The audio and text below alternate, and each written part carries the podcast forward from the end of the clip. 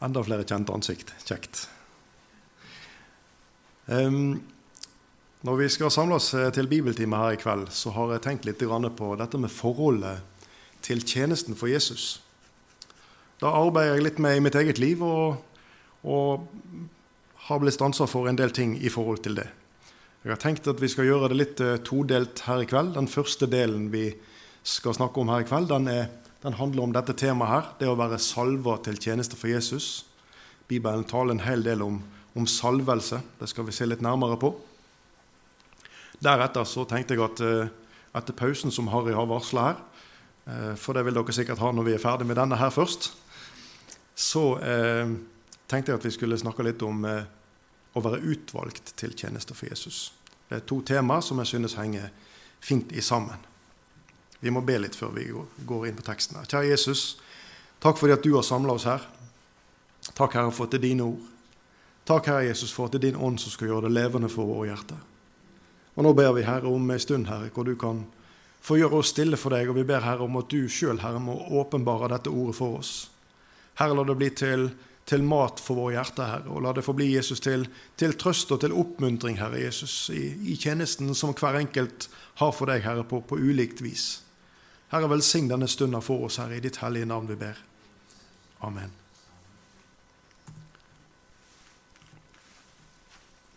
Salvelse. Dette ordet det hører en eh, ofte i kristne sammenhenger. Men hva betyr det egentlig? Eh, noen ganger så brukes ordet, og når man knytter på dette ordet, så får eh, det som blir sagt, et visst sånn åndelig karakter. Men salvelse, hva, hva er det for noe? Er det liksom Er det bare en uttrykksmåte? Han eller hun sang, og det var så salva, eller vi hørte, og det var så salva, eller den eller den personen eh, fremstår så salva, eller hva, hva er dette for noe? Er det, en, er det en tilstand, eller er det en uttrykksmåte vi har, eller og hvilket bibelsk opphav har dette? Ehm, er det betingelser knytta til dette med, med salvelse? Ehm, hva er det egentlig? Og hva sier Bibelen om det? Om salvelse? Om det å være salva? Hvilken forskjell gjør det for deg og meg som skal tjene Jesus? Det har jeg tenkt vi skal få bore litt i her. Og Vi skal ta utgangspunkt i andre Mosebok, og vi er i kapittel 30. Eh, og Det tenker vi skal gå inn på i denne bibeltimen. her, Det er om, om salvelsen. Litt om eh, det salvelsen innebærer, og det den gjør. Og vi skal òg snakke en del om den olja som blir brukt til salvelsen. Dette her det er aktuelt. Jeg vil si det er høyaktuelt. Det finnes veldig mange som, eh, som, bærer med seg eh, budskap og egne tanker. Du kan gå inn i en kristen bokhandel i dag og så kan du finne masse bøker som er veldig bra.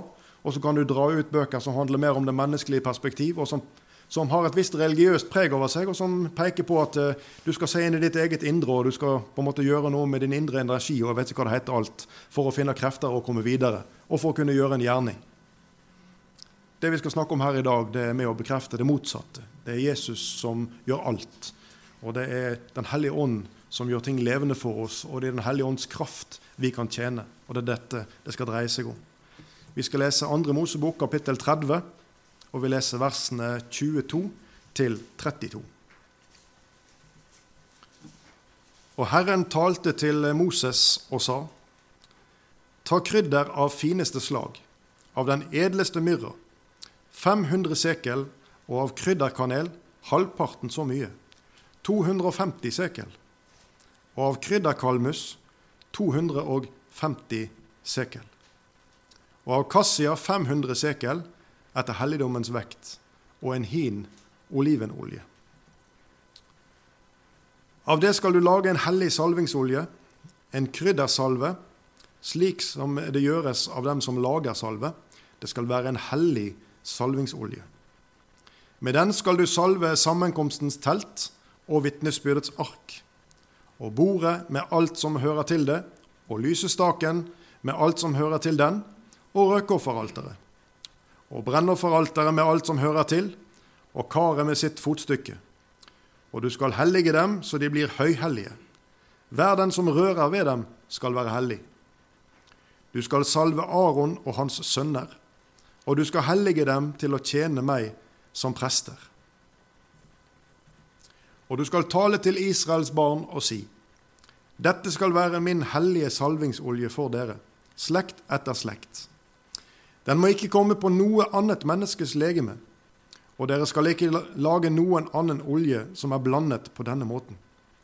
Hellig er den, og hellig skal den være for dere. Når vi leser gjennom Det gamle testamentet videre fremover, og når vi kommer til eh, Samuelsbøkene og kongebøkene, så kan vi lese om hvordan konger, og profeter for den del også, men òg disse hellige redskapene som vi leste om her. Nå skal vi ikke gå inn i, i teksten om tabernakelet i dag, det har vi talt om her før. Det er mange bibeltimer igjennom det, men det skal vi ikke gjøre her i kveld. Eh, alt dette, konger, profeter og disse redskapene i tempelet, de blir altså salva til tjeneste. Og Bare noen eksempler omkring det, så har vi det fra Bibelen. Når det gjelder konger, så husker du kanskje at eh, blant flere at Samuel han salver Saul som konge. Israels første konge. Du husker beretningen fra første Samuels bok, når Israel de ønsker å ha en konge, sånn som de andre folkene har. Og så er det at denne første kongen, Saul, han blir da salva som konge over Israel, over Guds utvalgte folk. Vi leser 1. Samuel 10, vers 1. Og Samuel tok en oljekrukke og helte den ut over hodet hans.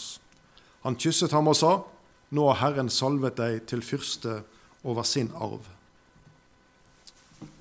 Men Senere så leser vi òg om at profeten Samuel han salver David, Israels konge nummer to. Og kanskje den kongen som vi sammen med Salomo kanskje, husker best sånn straks når vi tenker på det, gjennom Israels konger. Det er jo en hel rekke her, men det er noen som er mer fremtredende enn andre. Og Du husker kanskje fortellingen om at eh, Saul han var ulydig mot eh, Herrens bud. Saul han fikk et oppdrag når han kriger mot Amalek. og Det kan du lese om i 1. Samuels bok kapittel 15, om du, om du vil dykke ned i det sjøl. Og Når du leser den fortellingen om det som skjer der i 1. Samuel 15, så henger det sammen med noe som skjedde når Israel var på vei gjennom ørkenen. Det kan du lese om i 2. Mosebok kapittel 17. Der Moses hadde slått på en klippe, og det kom vann ut. Og Så kommer Amalek, og så strider han mot Israel.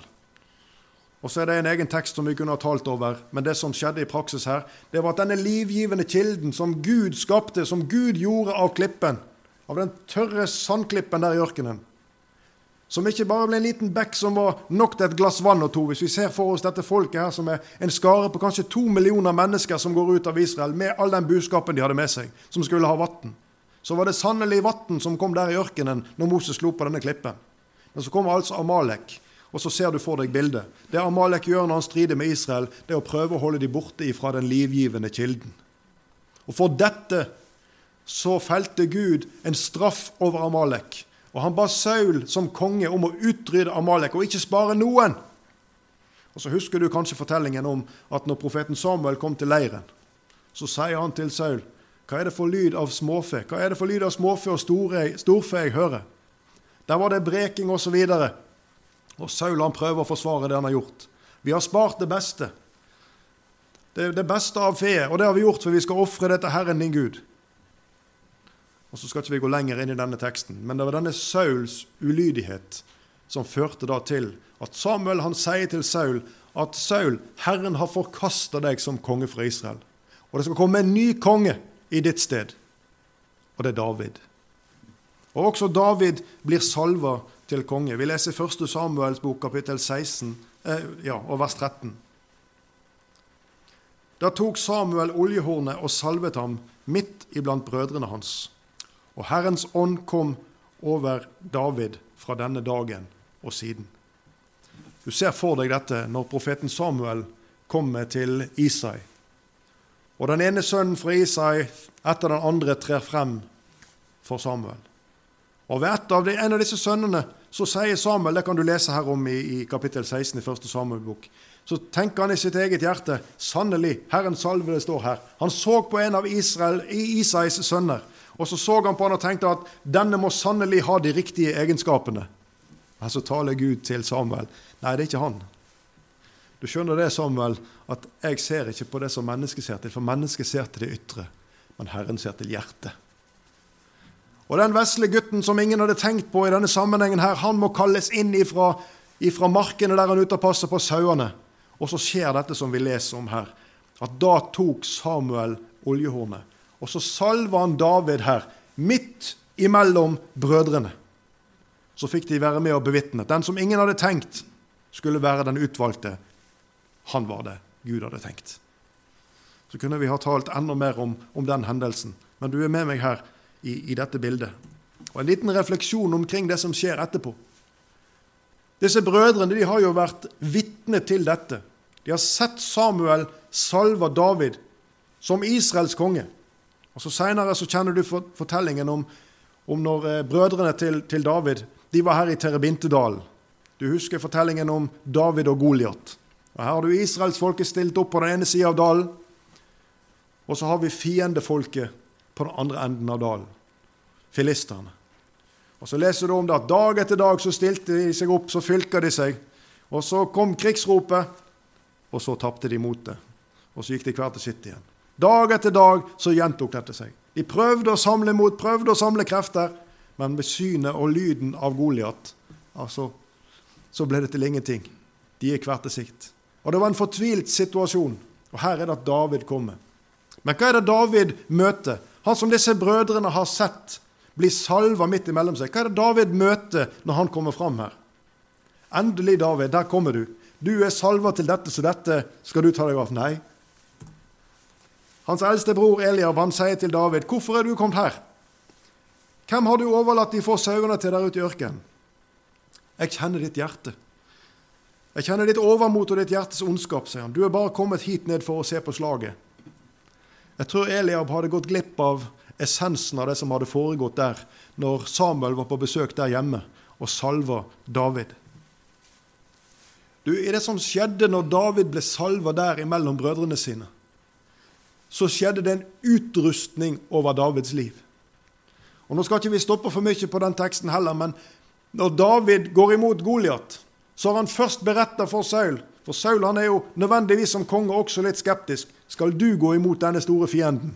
Da må du i hvert fall ta på deg min rustning og min hjelm og Ja, du husker fortellingen.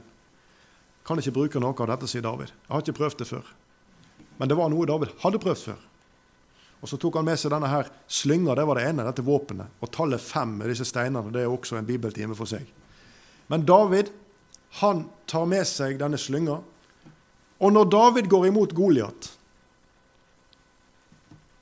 da, da, beretter ikke David om sine tidligere meritter. David han er ikke opptatt av å rope til Goliat 'Jeg har tatt løve og bjørn'. 'Jeg har revet de i stykker med hendene mine'.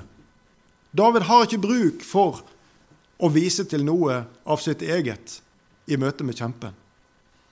Du kommer mot meg med sverd og lanse, men jeg kommer mot deg i Herren herskarenes Guds navn, Han som du har hånet. Det hadde skjedd en forandring med David den dagen David ble salva. Jo visst kunne han sette sin lit til de tingene som han hadde gjort før. Men i møte med denne kjempen så er på en måte det blitt ingenting. Det David retter sin lit til, det er Gud Herren. Og det er Gud Herren som har salva David til tjeneste. Han skal en dag bli konge over dette folket. Og David han går her i denne første striden på vegne av sitt folk og blir seierherre pga. den kraft som Herren har latt hvile over David.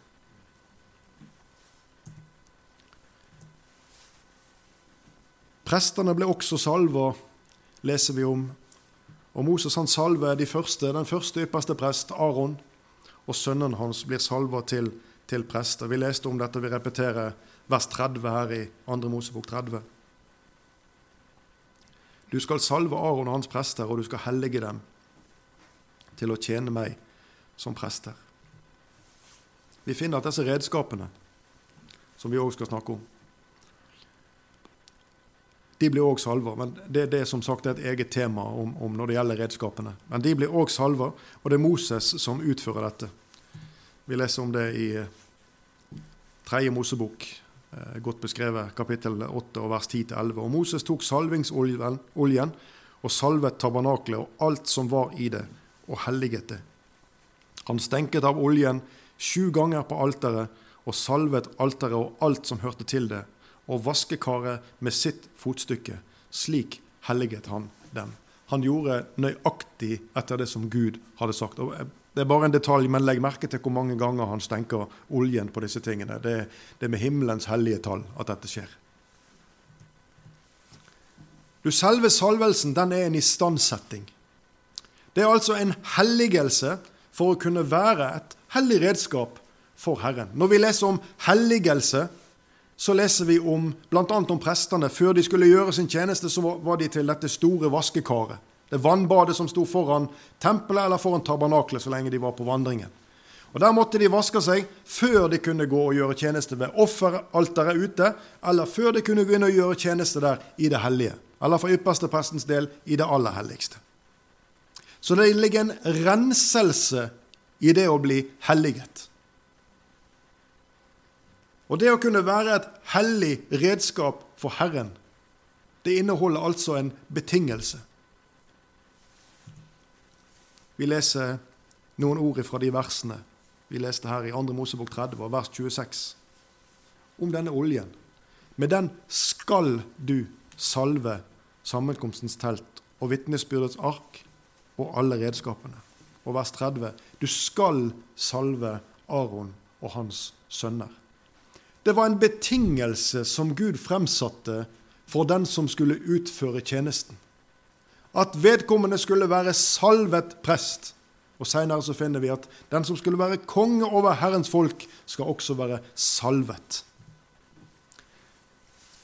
Når vi leser om at denne kongen skulle være salva, så er det for nettopp fordi at han skal også gjøre en gjerning for Herren, som konge over Guds utvalgte folk.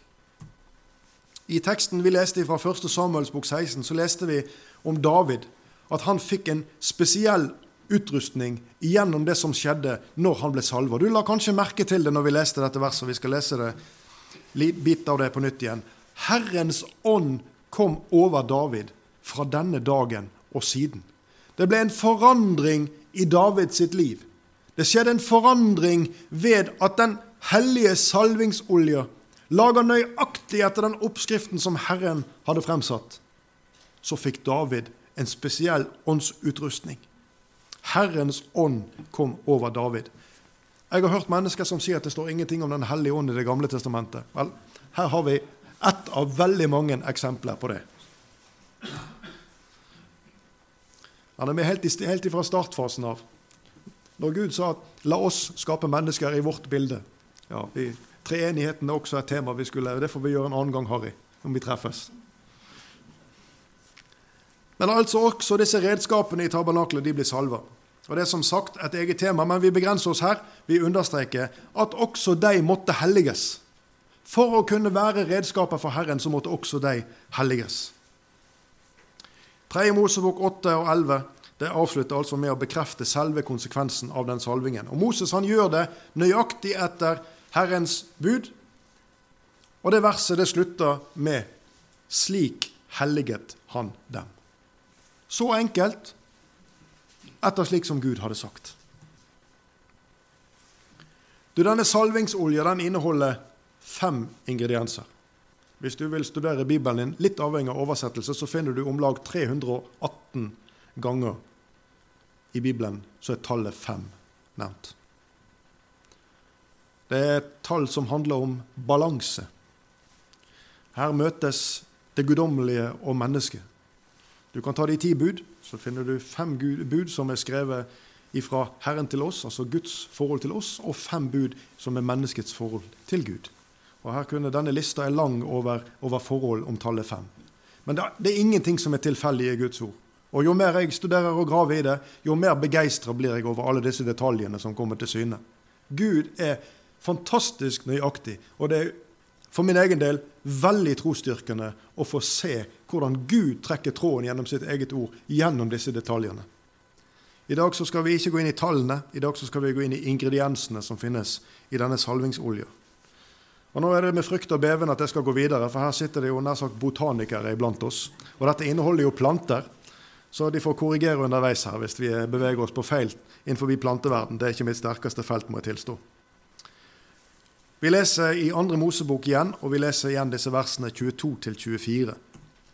Herren talte til Moses og sa:" Ta krydder av fineste slag, av den edleste myrra, 500 sekel, og av krydderkanel, halvparten så mye, 250 sekel, og av krydderkalmus 250 sekel, og av kassia 500 sekel etter helligdommens vekt, og en hin olivenolje.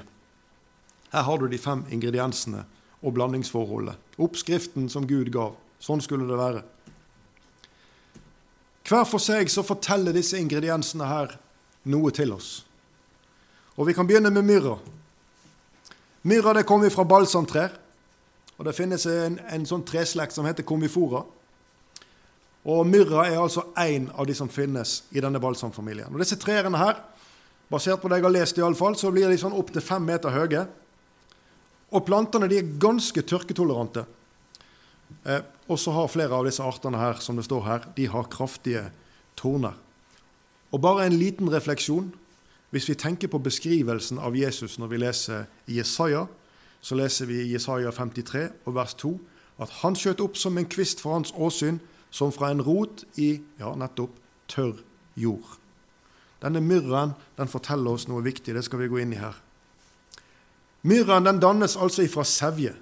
Dette treet det, det har sevje som siver ut gjennom barken, og så blir det til sånne tørre, små kuler. Det herder og blir til harpiks, og det kjenner vi nok alle sammen, hvordan harpiks ser ut. Myrra, myrra, denne myrra harpiksen her, den er sånn gul eller rødbrønne korn, og det er sånne klumper. Og det inneholder Altså denne myrraen den inneholder gummi, harpiks, og så inneholder den eterisk olje. Og nå kan det jo hende at det sitter noen iblant oss her som har god medisinsk kunnskap. Da skal vi gå litt inn i hva eterisk olje gjør. Hvilke, den, hvordan påvirker den oss? Men jeg vil bare først si at denne myrren det er en kostelig ingrediens. Eh, og når Gud ber Moses om å lage denne blandingen, så er det ikke bare myrra, det er kostelig myrra. Um, og du kjenner igjen denne som én av tre gaver som de tre kongene gir når de kommer til stallen og ser Jesusbarnet. Gull, røkelse og myrra. Hver for seg fantastiske vitnesbyrd om hva dette barnet her skal gjøre for denne verden. Men myrra er altså en av disse ingrediensene. I tidlige tider så ble myrra brukt i ganske stort omfang i medisin. Til behandling av sykdommer. I nyere tid så har man jo gjennom forskning funnet ut at disse eteriske oljene som finnes i myrren, de er rett og slett antibakterielle, og de fungerer ypperlig til sårbehandling. Som fjerner betennelser osv. I, i åpne sår.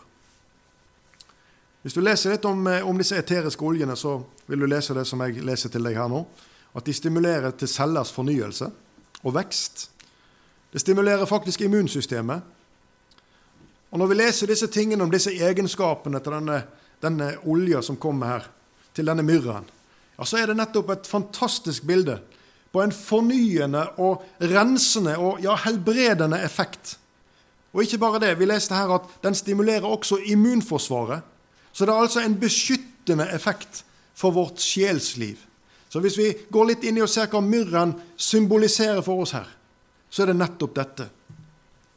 Første Denne første ingrediensen minner altså om dette. Om renselse og om helbredelse for oss i Jesu blod. Så leste vi om at det skulle være kanel i denne blandingen. Og kanel det gir denne olja sødme. Og sødme, ja, det er det motsatte av bitterhet. Jeg synes at denne ingrediensen den minner oss om at selviskhet, misunnelse, sjalusi, higen etter ære fra andre mennesker, ja, det er akkurat det motsatte av det som kanel representerer i denne salvingsolja. Du husker kanskje beretningen i apostelgjerningene om Simon, denne trollmannen som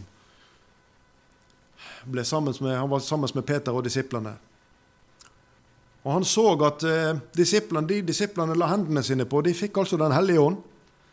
Og Simon, denne trollmannen, det står at han tok ved troen. Det står aldri at han ble en troende, men han tok ved troen. Han så disse tegnene, og han var veldig begeistra over det han så.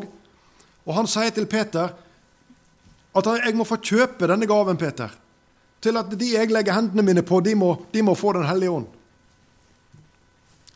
Men Peter han svarer Simon at denne gaven, Simon, dette kan ikke kjøpes. Han ser at Simon har helt andre hensikter enn denne meddelelsen som, som vi leser om at for intet har dere fått det, og for intet skal dere gi det. Det var helt andre prinsipper over Simon sitt liv gjennom hans trollmannstjeneste. Peter han svarer, og det er et hardt svar, apostelgjerningene 8,23. Han sier til Simon, for jeg ser at du ligger i bitterhetsgalle og i urettferdighetslenker. Du, i bitter tilstand så er det ikke mulig å være til behag eller til å utføre en åndsfylt tjeneste for Jesus. Du og jeg kan ikke gå rundt og bære på bitterhet i våre hjerter, verken overfor mennesker eller annet, hvis vi skal kunne være til tjeneste for Jesus. Det må ikke finnes noen bitter rot hos oss, leser vi i Bibelen. Bitterhet må fare. Efesane 4, 31. La bitterhet og hissig sinne og skrål og spott være langt borte fra dere, like som all slags ondskap. I den samme kategorien som ondskap, altså omtalt her i Bibelen.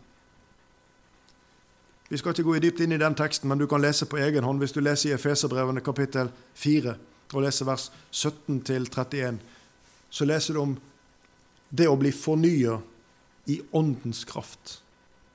Det å få et fornya indre menneske. Og etter versen her, vers 23, men bli fornyet i deres ånd og sinn.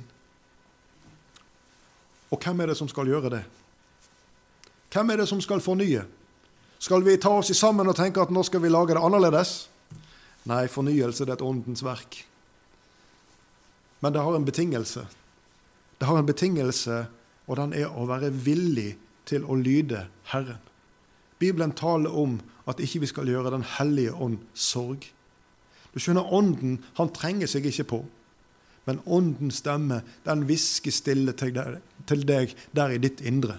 Og så vitner den om Jesus, beskriver Jesus for deg, Jesu gjerning, og minner om Herrens ord. Det står at han skal åpenbare, ja, veilede oss til hele sannheten, den ånden som, som er kommet, Den hellige ånd. Og så kommer Åndens stemme stille og hvisker og vil vise oss inn på dypet i Herrens ord. Og så mange ganger ja, så finner jeg også meg sjøl at det er så mye støy med andre ting som foregår, at jeg går glipp av de skattene som Herren ville vist meg på dette tidspunktet. Du og jeg, vi trenger å være stille for Jesus. Vi trenger å være stille for Jesus. Vi trenger å sette oss ned med, med Bibelen og lese og be om at Herre, nå må du komme med din ånd, og så må du åpenbare dette ordet for mitt hjerte. Da skal du se at den bitterhet som eventuelt måtte finnes der, ja, den må bort. Han sa det en predikant som jeg kjente godt, han er hjemme hos Herren nå.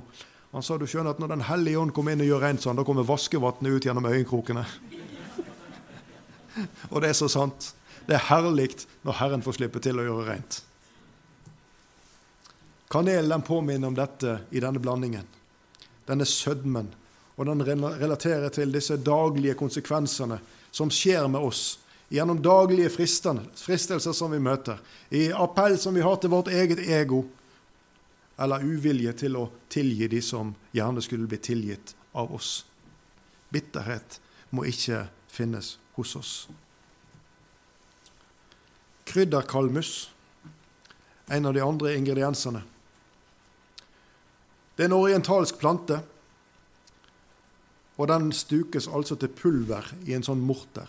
Noen av dere har kanskje en sånn morter på kjøkkenet hjemme til å stuke krydder i. De som er litt sånn glad i å lage mat og er litt fancy. Sånn som Odny når jeg kommer på besøk. Da skal dere bare se. Og stuke dette krydderet nedi her, og det skaper en fantastisk duft. Og kanskje ikke overraskende, denne ingrediensen den brukes i parfyme den dag i dag.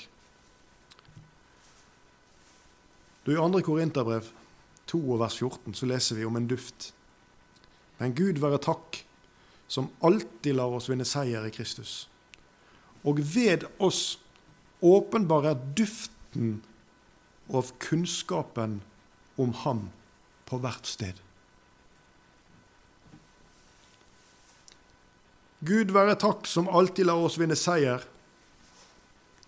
fordi at vi er så flinke å stå på? Nei. I Kristus. Åh, oh, det er et nøkkelord. I Kristus. Og ved oss så åpenbares altså denne duften av kunnskapen om Han på hvert sted.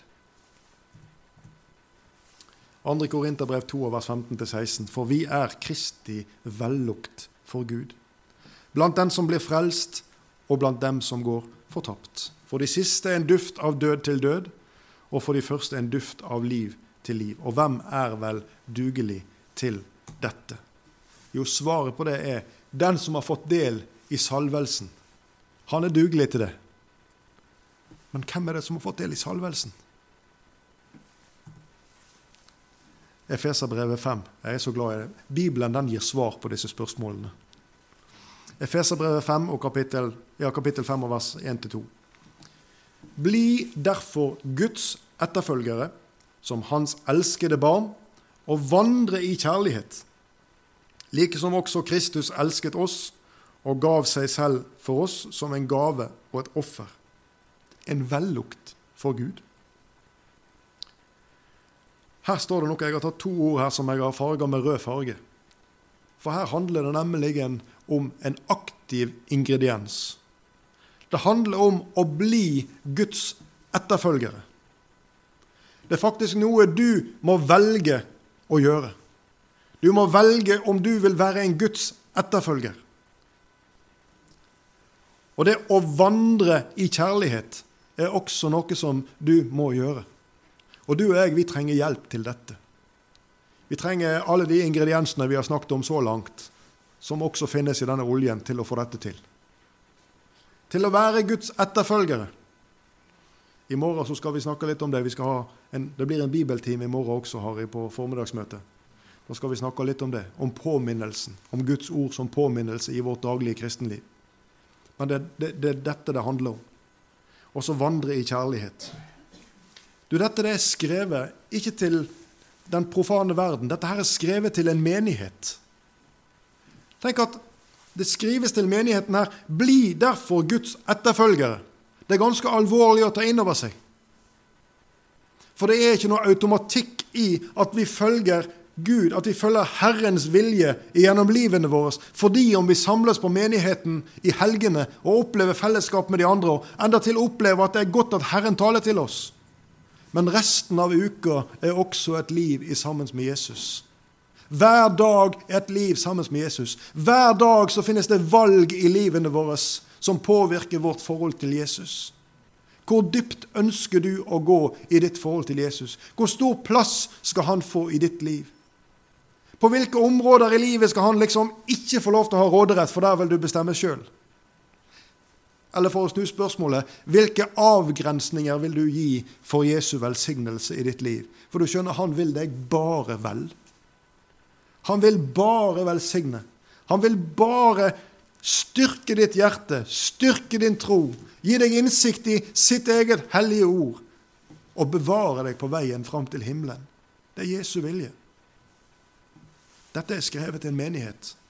Og Jeg syns det er en viktig påminnelse om det fokuset som du og jeg skal ha, ikke bare når vi samles på menigheten, men også på de andre dagene i vårt liv sammen med Jesus. Krydderkalmus det det minner om, om Guds frelse. Og det er den duften som et Jesu vitne bærer med seg i møte med verden. Kassia er også en av ingrediensene, leste vi. Og Det er òg en type kanelkrydder. Av det jeg har kunnet lest meg til, og igjen med fare for at botanikerne her har andre ideer, så produseres dette her krydderet på innsida av barken på et tre. Og dette treet det kan faktisk bli 10-15 meter høyt. Det som jeg syns, i motsetning til det andre vi leste om, som vokste på tørre steder, så er dette et tre som har veldig dype røtter. Og det er ganske upåvirka, fordi at det har så dype røtter, så er det ganske upåvirka av det som skjer sånn fra dag til dag der på overflaten. Disse røttene som vokser på dette treet, de må nødvendigvis ha riktig retning. De må ha retningen imot der det er vann å finne. Der næringen finnes. Det, det duger liksom ikke om, om røttene bare strekker seg ut vilkårlig.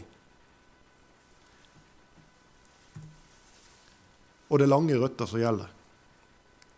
Det tar lang tid å vokse disse lange røttene. Det tar lang tid før dette treet kan produsere denne kassien. Først når det er blitt stort nok, modent nok og får den rette næringen, så kan dette krydderet komme frem. Du ser bildet. Vi trenger, du og jeg, å vokse i tro og kjennskap. Vi trenger å vokse som åndelige mennesker, åndelige individer. Vi trenger å vokse i tro og kjennskap. Vi trenger å be Gud om visdom og åpenbaring over bibelordet, sånn at vi kan være i stand til å lære de menneskene som vi møter.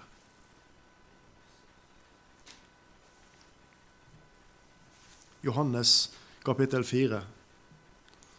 Du husker beretningen om Jesus som møtte kvinner der ved Sykares. Han svarer henne her i det 14. verset når han snakker om dette vannet som han vil tilby henne. Men den som drikker av det vannet jeg vil gi ham, skal aldri i evighet tørste. Men det vannet jeg vil gi ham, blir i ham en kilde med vann som veller fram til evig liv. Du frukt av omgangen med bibelordet. Du skjønner, du og jeg, vi trenger åpenbaring. Vi trenger innsikt, og vi trenger kunnskap. Og det finner vi kun ved å drikke av denne ene kilden i Guds ord. Og det er akkurat som med kassia. Dette krydderet bakom barken her, det oppstår ikke dersom ikke vekstforholdene er riktige. Og Sånn er det også med det som du og jeg skal kunne gjøre for Jesus. Det er en frukt. Tjenesten, en åndsfull tjeneste, det er en frukt av Herren. Det er Herren som må gjøre det. Det er med Han som må åpne ordet. Jeg er så glad for at det står at, at evangeliet er en Guds kraft til frelse. At ikke det skal stå til predikanten som mange ganger kjenner seg sånn eller sånn. Det er Gud, Herren, som åpenbarer sitt eget ord ved Den hellige ånd. Det er Den hellige ånd som overbeviser om synd. Og overbevisningen av synd det gjør at mennesker får bruk for Gud. Du og jeg vi kan, vi kan sikkert være flinke til å peke på andre og peke på mangler og feil som de burde være klar over. Men du skal vite for visst at det er Den hellige ånd som må gjøre mennesket klar over den synden som finnes i deres hjerte. Og da skjer omvendelsen. Hvis du og jeg skal være slike redskaper og gå i Herrens tjeneste, så skal vi få være hans talerør. Ja, det står enda til i Bibelen at vi er prester som i Kristi sted. Smak litt på det når du skal ut og vitne og møte andre mennesker og fortelle om det du tror på. Men du kan ta det helt med ro. Du, når jeg var i tidlige 30 år, så hadde jeg aldri trodd at jeg skulle bli predikant. Hadde noen sagt det til meg den gangen, så vet jeg ikke om jeg, om jeg kanskje til og med hadde kommet til å smile av det. Jeg hadde aldri trodd det. Jeg, jeg var med og sang og vitna og reiste rundt og gjorde det. Men en dag så skjedde det noe i livet mitt. Den hellige ånd gjorde et inntog i mitt hjerte. Jeg hadde en hunger i mitt hjerte. Og jeg ba til Jesus. Jeg husker enda til jeg holdt på i over to år. Og jeg vet ikke hvor mange av predikantene jeg satt og hørte på, som jeg var og samtalte med etterpå, prøvde å finne nøkkel til dette. Hva er det Jesus vil i livet mitt? Men en dag Jeg husker det som det skulle vært i går. Jeg var ute og kjørte bil. Da satte liksom Jesus nøkkelen i døra. For da var det hans time. Og da ble det jubel der. Og jeg hørte meg sjøl sitte og snakke et språk som jeg aldri hadde hørt før. Da kom Herren, og han gjorde en vidunderlig forandring i mitt hjerte. Og sånn er det. Det er hans verk. Og vil bare si til deg, det er tilgjengelig for hver den som ønsker del i det. For hver den som ønsker del i det, og som åpner sitt hjerte for Herren og sier, 'Herre, fyll mine tomme kar'. Så svarer Jesus på bønn.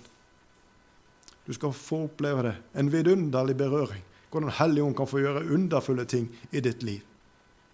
Men det er en frukt av omgang med bibelordet. Det er her det starter. Det er ikke et øyeblikks opplevelse. Det er ikke noe som vi på en måte søker, som vi bare opplever av og til på en fjelltopp. Jesus han ønsker å fylle ditt hjerte for at du skal få være et vedvarende redskap for han. Han ønsker fellesskap med deg i det daglige. Den siste ingrediensen som vi leste om, og som på en måte binder sammen alle disse andre, det er selve olivenoljen. Alle disse andre ingrediensene her, de er jo mer eller mindre tørre i konsistens. Så skal dette blandes ut i olivenolje. Og Denne oljen den lages jo av nødvendigvis av oliven. Og for å få tak på oliven, ja, så rister man litt i treet, kanskje til og med hardt. Og så ramler disse her olivene ned på bakken.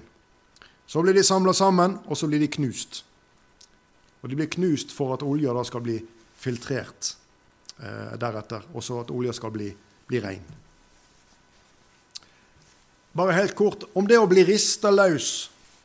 Denne oliven den henger der oppe på treet og er tilknyttet treet og får sin næring der og vokser der. På et tidspunkt så blir den rista ut av sitt komfortable element, og den faller ned på bakken.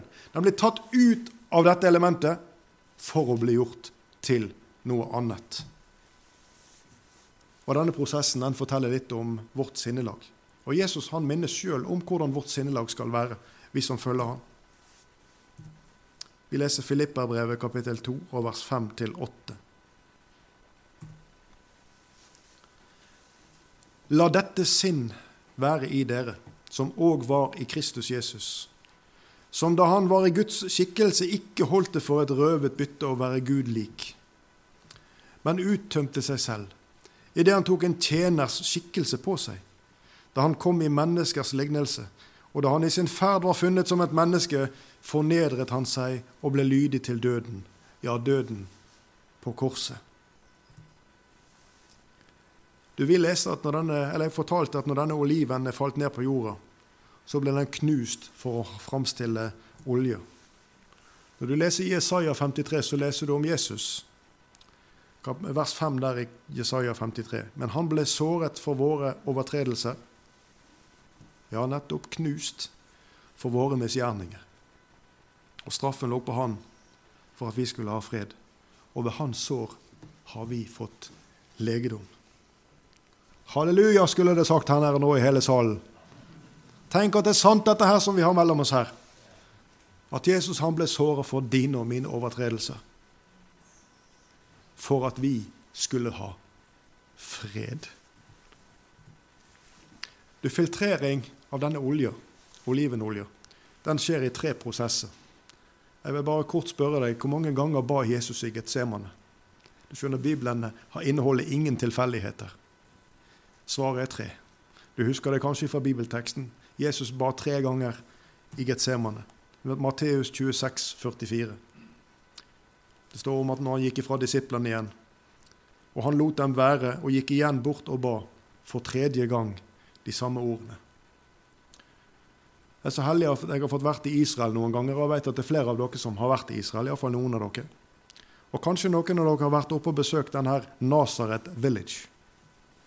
Det er en liten landsby eh, som er laga til, hvor på en måte livet skal gå sin gang slik som det gjorde på Jesu tid. Jeg var der sammen med et reisefølge, og en av de tingene som fantes der inne, det var en olivenpresse. Hvor de lagde olivenolje. Og Guiden han fortalte om disse tre prosessene nettopp tre prosesser.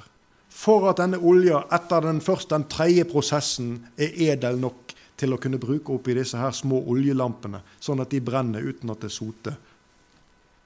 Skjønner Det er en prosess, og vi leser her, og som sagt ingen tilfeldighet, at tre ganger. Filipperbrevet kapittel 2 vers 5 det leste vi i stad, og det sier nettopp at dette sinn skal være i oss. Altså villighet til å gi slipp på det som binder oss eller hindrer oss i å tjene Jesus. Og det å gi oss hen til å tjene Jesus helhjertet.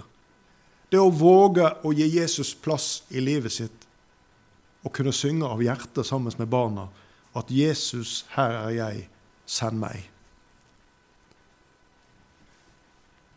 Jesus han kan gjøre underfulle ting i livet ditt. Du har helt sikkert, du som sitter og hører på dette her, her i, i, kveld, du har helt sikkert allerede Jesus i livet ditt. Men jeg vil si deg at ingen av oss som er her i kveld, har fått opplevd rekkevidden av det som Jesus kan gjøre i livene våre. Jesus han har så uendelig mye mer å gi. Ja, vi synger i en sang han giver og giver og giver igjen. Og det gjør han. For hver den som søker han, og som påkaller hans navn, skal få oppleve at han kommer og rører ved hjertet og åpenbarer sitt ord. Det handler om å leve i Ordet under Åndens åpenbarelse. De fem ingrediensene som vi har vært igjennom her, de viser veien til et hellig liv. Og det handler om å kunne tjene Jesus med kraft.